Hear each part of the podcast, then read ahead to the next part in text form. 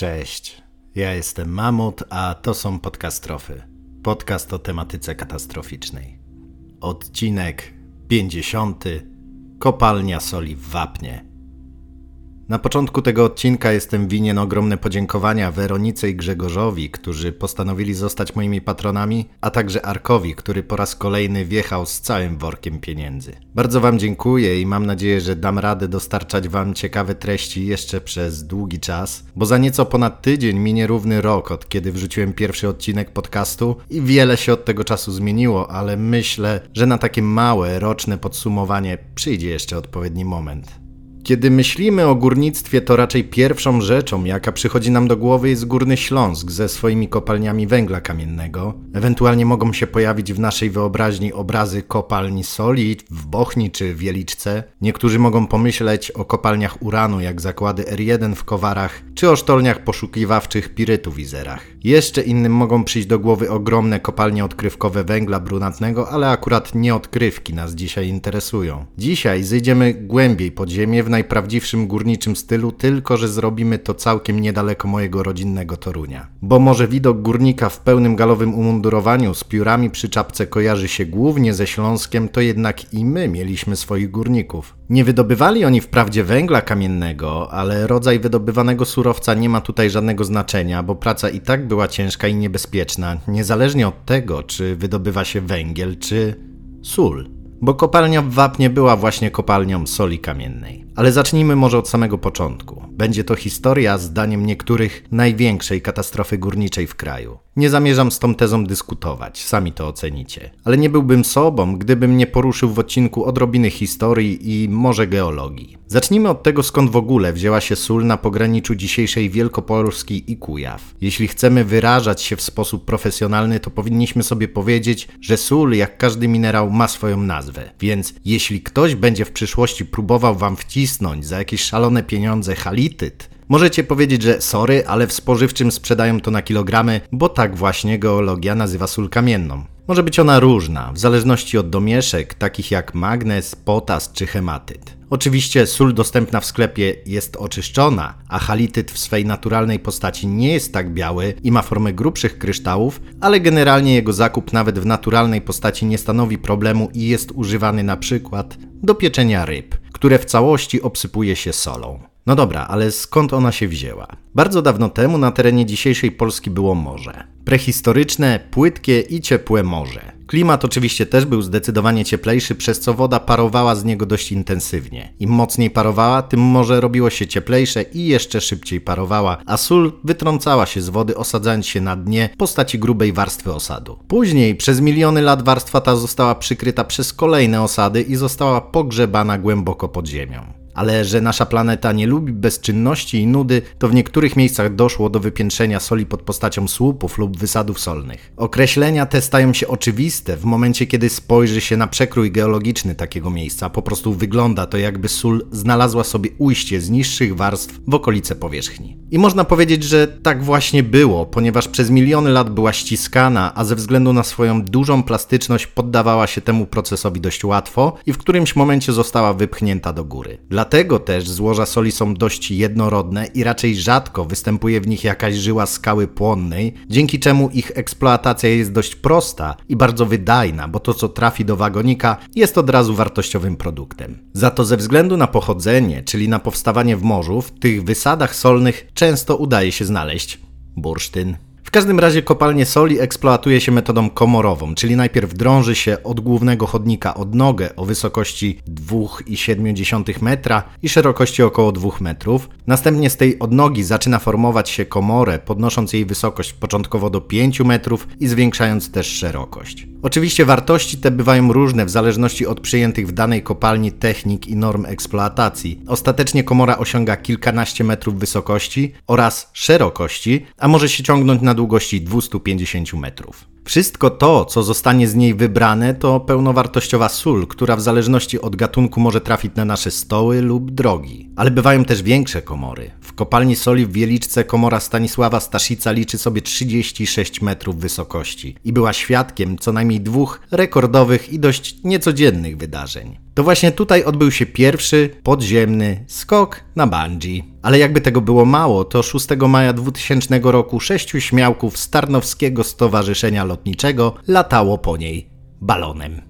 Nie wznieśli się jakoś szczególnie wysoko, bo kosz znajdował się zaledwie 2 metry i 13 cm nad spongiem, czyli no podłogą wyrobiska, a gdyby liczyć od powierzchni ziemi, to ich wysokość wynosiła minus 125 metrów, ale jednak jest to wydarzenie, które warto odnotować i trafiło do Księgi Rekordów Guinnessa, chociaż ostatnio trafiają tam różne, nie zawsze interesujące rzeczy. Ale wracając do wapna. Początkowo nie myślano tam o soli. Mało tego, właściwie nikt o niej nie wiedział. W 1828 roku rozpoczęto tam eksploatację złóż gipsu, który zalegał kilkudziesięciometrową warstwą, bardzo często tuż pod powierzchnią gruntu. W niektórych miejscach wystarczyło zedrzeć darń i już można było wydobywać gips metodą odkrywkową. Dzisiaj nasza wiedza geologiczna podpowiada nam, że bardzo często takie czapy gipsowe tworzą się nad głębszymi pokładami soli, wtedy jeszcze nikt o tym nie wiedział. Ale w odkrywkach bardzo często pojawiają się wody, tylko że tym razem zdarzało się, że niektóre źródliska były mocno zasolone. Pozwalało to podejrzewać, że gdzieś w pobliżu może znajdować się pokład soli. Należało to tylko sprawdzić. W latach 1869-73 prowadzono wiercenia badawcze w rejonie tej gipsowej czapy i wykazały one, że zaledwie kilkadziesiąt metrów poniżej znajduje się sól kamienna. Wydobycie soli było w owym czasie interesem bardzo dochodowym, jednak zdecydowanie przekraczało możliwości finansowe ówczesnego właściciela tych terenów, Floriana Wilkońskiego. Bo co innego kopać gips przy pomocy łopat i wywozić go na wozach, a co innego drążyć szyby i chodniki głęboko pod ziemią. Sól musiała jeszcze odrobinę poczekać. Dopiero w 1898 roku prawo do wydobycia soli kamiennej oraz solanki wykupiła niemiecka spółka Solwerke, jednak nic z tego nie wynikło. Nie rozpoczęto żadnych prac mających na celu eksploatację złoża. Dziewięć lat później, w 1907 roku, prawa te otrzymał belgijski koncern Solvay, który rozpoczął przygotowania do wydobycia. Nie stało się to jednak od razu, z dnia na dzień. Najpierw konieczne było określenie granic złoża, zaprojektowanie przyszłego wydobycia, całej masy przygotowań, zwiezienia sprzętu i materiałów. Dzięki wierceniom próbnym ustalono, że wysad solny ma kształt elipsy o wymiarach około 700 na 350 metrów, a głębokość samego pokładu może sięgać nawet 4 kilometrów. To całkiem sporo soli, więc nie ma się co dziwić, że firma Solvay zdecydowała, że należy się podjąć eksploatacji tego złoża i w 1911 roku oficjalnie założyła kopalnię soli w Wapnie. Teraz należało zgłębić szyb i czerpać profity z wydobycia. Jednak okazało się, że nie jest to takie proste. W kopalniach występują różne zagrożenia. Na Śląsku są to najczęściej te wynikające z ruchów górotworu, jak tąpnięcia, lub też zagrożenia związane z wyrzutem gazów, jak metan czy tlenek węgla. Tutaj jednak nie było z nimi problemu, ale pojawił się inny. Była nim woda. Właściwie od samego początku zdawano sobie sprawę z tego, że woda będzie się pojawiać w przyszłej kopalni, ponieważ w tej wierzchniej warstwie gipsów i iłów tworzyły się w sposób naturalny liczne źródliska, więc sam teren już sugerował, że nie będzie lekko. Albelgowie wierzyli, że sobie z tym poradzą i wraz z oficjalnym założeniem kopalni zaczęli zgłębiać szyb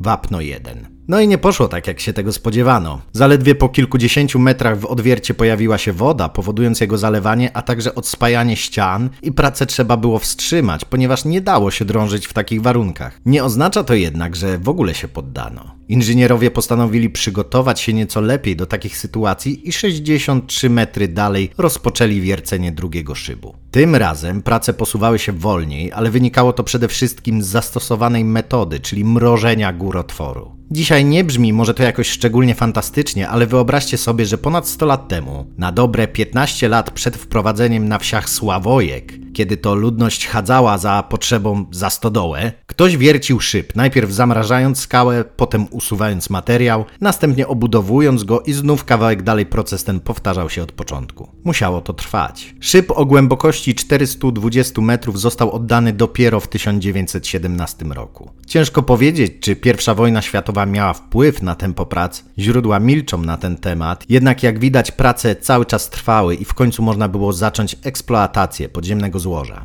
Możemy sobie oczywiście teraz opowiedzieć, jak w kolejnych latach rosło wydobycie, o tysiącach ton i metrów sześciennych, o przejęciu przez Niemców kopalni, o rozbudowach itd., tak ale dla naszej historii nie ma to większego znaczenia. Wszystko odbywało się zgodnie z planem, a sól płynęła nieprzerwanym strumieniem do swoich odbiorców, a sama kopalnia dzięki rozsądnemu zarządzaniu była bezpieczna. Jednak po wojnie, jak wszystkie większe zakłady w kraju, kopalnia została znacjonalizowana. Bardzo szybko dążono do zwiększenia wydobycia. Miało to oczywiście swoje uzasadnienie finansowe, ponieważ duży odsetek soli szedł na eksport, co nie pozostawało bez znaczenia dla gospodarki kraju, który podczas powojennej odbudowy bardzo potrzebował dopływu dewiz z innych krajów. Odbiorcami wapnieńskiej soli były Czechosłowacja, Węgry, Szwecja, Finlandia, Norwegia, Gwinea, Wielka Brytania, Dania i Nigeria. Już od początku lat 50. połowa wydobycia soli kamiennej w kraju odbywała się właśnie tutaj. W stosunku do lat wojennych wydobycie wzrosło trzy lub nawet czterokrotnie, a planowano kolejne rekordy. Nic więc dziwnego, że samo górnicze miasteczko rozwijało się bardzo dynamicznie. Może nie był to przykład typowego miasteczka przykopalnianego, jak słynne osiedle patronackie na katowickim Giszowcu, ale również tutaj nie brakowało obiektów użyteczności publicznej, sportowych, kulturalnych czy zajmujących się ochroną zdrowia. Był stadion, ale również i kino, co w liczącej zaledwie kilka tysięcy mieszkańców miejscowości było wyjątkiem na skalę krajową. Bardzo często na stadionie albo w Domu Kultury odbywały się koncerty znanych w tamtych czasach gwiazd polskiej estrady. Partia dbała o kujawskich górników solnych chyba nawet bardziej niż o gwarków zajmujących się wydobyciem węgla kamiennego. Ale nic nie może trwać wiecznie. Zdawano sobie sprawę, że wydobywając tak ogromne ilości soli, w końcu kopalnię będzie trzeba zamknąć, jednak nikt jakoś szczególnie nie przykładał wagi do tych przecież odległych planów. Liczyło się tu i teraz. W 1956 roku kopalnia otrzymała imię Tadeusza Kościuszki. W 66 wydrążono kolejny szyb. Zaledwie rok później wydobycie skoczyło po raz kolejny przekraczając 400 tysięcy ton rocznie, a nie był to jeszcze koniec ambitnego planu zwiększania wydobycia. Zakładano, że do końca lat 70. przekroczy ono pół miliona ton w skali roku. Ale żeby tego dokonać, trzeba było drążyć górotwór coraz śmielej, czasami ryzykując bezpieczeństwem. Kopalniach soli wynaleziono bardzo prosty sposób radzenia sobie z zagrożeniami wodnymi. Po prostu zostawia się grubą na kilkadziesiąt metrów warstwę soli, która dość dobrze izoluje od wód gruntowych otaczających wysad solny. Nie drąży się tak daleko, aż skończy się sól, tylko korzystając z map złoża po prostu zatrzymuje maszyny, pozostawiając gruby margines bezpieczeństwa. No ale jeśli władze bardzo chcą popisać się kolejnymi rekordami i wywierane są naciski z góry, w tym też od partii, to w końcu zaczyna się podejmować coraz większe ryzyko. Dzisiaj sobie możemy mówić, że ja bym tego nie zrobił, odmówiłbym i tak dalej. Niestety, ale badania pokazują zupełnie coś innego. Stanley Milgram przeprowadził kiedyś eksperyment mający sprawdzić wpływ autorytetu na osobę badaną. Wyniki były dość przerażające, ponieważ właściwie 70% zrobiła wszystko, co nakazało autorytet. Ktoś może powiedzieć, że no tak, ale kiedy Milgram przeprowadzał swoje badanie, był początek lat 60. i wtedy bardziej ufano osobom uważanym za autorytety, natomiast dzisiaj mamy większą tendencję do powątpiewania w kompetencje. Niestety muszę Was rozczarować. Nic się w tej kwestii nie zmieniło. 50 lat po miligramie jego eksperyment powtórzyli polscy psycholodzy Dariusz Doliński, Tomasz Grzyb i uzyskane przez nich wyniki właściwie nie różniły się od tych uzyskanych w Stanach Zjednoczonych w latach 60. Dlaczego o tym wspominam? Bo to niezwykle ważny mechanizm przy wielu katastrofach. Pomyślcie o Czarnobylu i Diatłowie, o Deepwater Horizon i koncernie BP, o katastrofie smoleńskiej i generale Błasiku. Takie naciski potrafią sprawić, że rozsądni ludzie mogą zrobić coś, czego normalnie sami, z własnej woli nigdy by nie zrobili. Podobnie było i tym razem. Zakładano wzrost wydobycia i dążono do niego za wszelką cenę, polecając coraz bardziej ryzykowne działania. Pierwsze symptomy zbliżających się problemów były widoczne już dużo wcześniej. Po 1970 roku zaczęło dochodzić do pierwszych przecieków. W wyrobisku coraz częściej pojawiała się woda, jednak uznano, że jej ilości są dość niewielkie i nie ma czym się przejmować. Było to kilkanaście do kilkudziesięciu litrów na godzinę. Nic z czym pompy nie mogłyby sobie poradzić. Wydobycie trwało, a plan przecież zakładał jego dalsze zwiększanie. Trzeba było ryzykować jeszcze bardziej. 1976 roku woda przesącza się do kopalni już dość poważnie. W różnych miejscach odnotowano przecieki, które w sumie dawały około kilkuset litrów na godzinę. To też nie było jeszcze szczególnie niebezpieczne dla samej kopalni, ponieważ jej kubatura była ogromna, licząca około 7 milionów metrów sześciennych wyrobisk, więc kilkaset litrów co godzinę w całej tej ogromnej kopalni nie wydawało się groźne. I w sumie nie było. Ale zwiększający się wraz z upływem czasu napływ wody świadczy dobitnie o tym, że zmierzamy w stronę katastrofy. I co z tym zrobiono? Nic. Najważniejszy był plan, który zakładał te pół miliona ton w przyszłym roku. Eksploatowano więc pokład znajdujący się dość płytko pod ziemią, bo zaledwie 230 metrów. Kiedy kopalnia była pod zarządem belgijskim czy niemieckim, poziom ten pozostawiono nienaruszony, a sól wydobywano z niższych pokładów, ponieważ miał stanowić tzw. Tak półkę bezpieczeństwa i powstrzymywać dopływ wód znajdujących się w tej gipsowej czapie. Jednak tym razem postanowiono go naruszyć, bo w przeciwnym wypadku realizacja planu byłaby mocno utrudniona, dlatego że urobek z niższych pokładów miał zwyczajnie dłuższą drogę do pokonania, zarówno w szybie, jak i chodnikami wyrobisk, a tutaj, proszę, płytko i na wyciągnięcie ręki. Woda stanowiła jednak problem, gdyż było jej coraz więcej. W końcu ze Śląska sprowadzono kombajn górniczy Alpina. Jakie było jego zadanie? Trudno powiedzieć. Niektórzy ówcześni pracownicy kopalni mówią, że powiedziano im, że kombajn miał wydrążyć chodnik, który uratuje kopalnię. Nie powiedziano tylko w jaki sposób miałoby to pomóc, co jest dość ważne, bo ostatecznie kombajn dotarł do granicy solnego wysadu, przez co naruszył już i tak zachwiane stosunki wodne i w tym momencie właściwie było już po kopalni. Bardzo szybko wody gruntowe znalazły sobie dogodne miejsce dla swojego ujścia z wyższych pokładów i już z całą mocą, bez żadnych ograniczeń, zaczęły wlewać się do wyrobiska. Po godzinie pierwszej w nocy 5 sierpnia 1977 roku ogłoszono alarm i natychmiastową ewakuację wszystkich przebywających pod ziemią. Wielu myślało, że doszło do jakiegoś poważnego wypadku i może nawet śmierci któregoś z górników, jednak sytuacja była diametralnie inna, ale chyba jeszcze poważniejsza. Umierała cała kopalnia kolejnych tygodniach pod ziemię zjeżdżały jeszcze zastępy ratowników, ale przecieki były już ogromne i przekraczały kilka tysięcy litrów wody na minutę. Nie pomogło stawianie tam, ani próby mrożenia ścian wyrobisk. Woda z łatwością wypłukiwała w soli kolejne ujścia dla swojej niszczycielskiej siły. Ale na powierzchni panował jeszcze względny spokój. Do czasu. To nie było tak, że woda, która wlała się do kopalni, spowodowała jej zawalenie i przez to na powierzchni doszło do osuwisk. Chodzi o to, że woda, która wlewała się do wyrobisk, musiała skądś odpłynąć. I co dość chyba oczywiste, pochodziła ona z warstw położonych wyżej, gipsów i iłów. Odwadniając te warstwy doprowadziła do ich wysychania, kurczenia się i zachwiania ogólnej statyki, przez co te warstwy zapadały się, tworząc potężne leje i zapadliska. Kopalnia już przepadła i tak nie było szans jej uratować. Pozostawała jedynie nadzieja, że uda się uratować samą miejscowość. Żeby zapobiec odpływowi wód podskórnych w głąb wyrobiska postanowiono zalać kopalnię. Może się to wydawać pomysłem absurdalnym, ale kiedy się nad tym zastanowić, miało to swój sens, ponieważ kopalnia pełna wody nie będzie drenowała jej z najbliższej okolicy, co powinno zapobiec powstawaniu kolejnych osuwisk. Ułożono więc 6-kilometrowy rurociąg z jeziora Czeszewskiego i przepompowano miliardy litrów wody, aby dopełnić w jak najkrótszym czasie puste przestrzenie. Jednak w październiku ogromne zapadlisko utworzyło się w niemal samym centrum miejscowości, a inne mniejsze pojawiały się w jej okolicy. Zniszczeniu lub poważnemu uszkodzeniu uległo 40 domów, w wielu innych wypaczyły się okna i drzwi, popękały szyby i mury. Linia kolejowa łącząca Gniezno z Nakłem nad Notecią przestała być przejezdna, a w niektórych miejscach tory dosłownie wisiały w powietrzu. Podjęto wtedy decyzję o ewakuacji niemal półtora tysiąca mieszkańców do Piły, Wągrowca, Szubina i wielu innych miejscowości. To już był ostatni akt tej katastrofy. Górnicza miejscowość na Kujawach przestała istnieć. Nie w sensie fizycznym, stoi tam do dzisiaj, ale liczy sobie zaledwie 1700 mieszkańców i nie ma szczególnie wesołych perspektyw, zwłaszcza, że jest to rejon cały czas aktywny i co jakiś czas dochodzi do kolejnych pęknięć, jak chociażby w 2010 roku, kiedy trzeba było ewakuować mieszkańców dwóch bloków oraz całe przedszkole.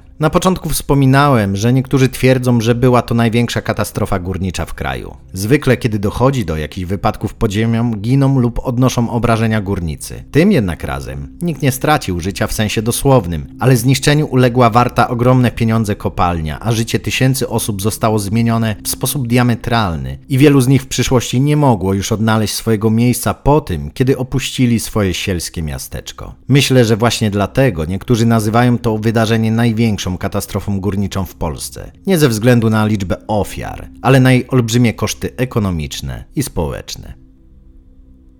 Dzisiejszy odcinek może nie był szczególnie długi, ale czasami są i takie historie, które gdzieś tam siedzą w głowie, robią wrażenie i zasługują na upamiętnienie, ale są też zwyczajnie krótkie. Ten odcinek był jednym z pierwszych, jakie rok temu przyszły mi do głowy, kiedy w ogóle planowałem zakładanie podcastu i cieszę się, że w końcu przyszedł jego czas. Na koniec zapraszam Was oczywiście na stronę Podcastrow na Facebooku, gdzie tradycyjnie znajdą się zdjęcia z wapna, a jeśli macie ochotę wesprzeć mój kanał, to możecie znaleźć mnie na patronite.pl ukośnik mamut. To tyle jeśli chodzi o tę katastrofę. Do usłyszenia.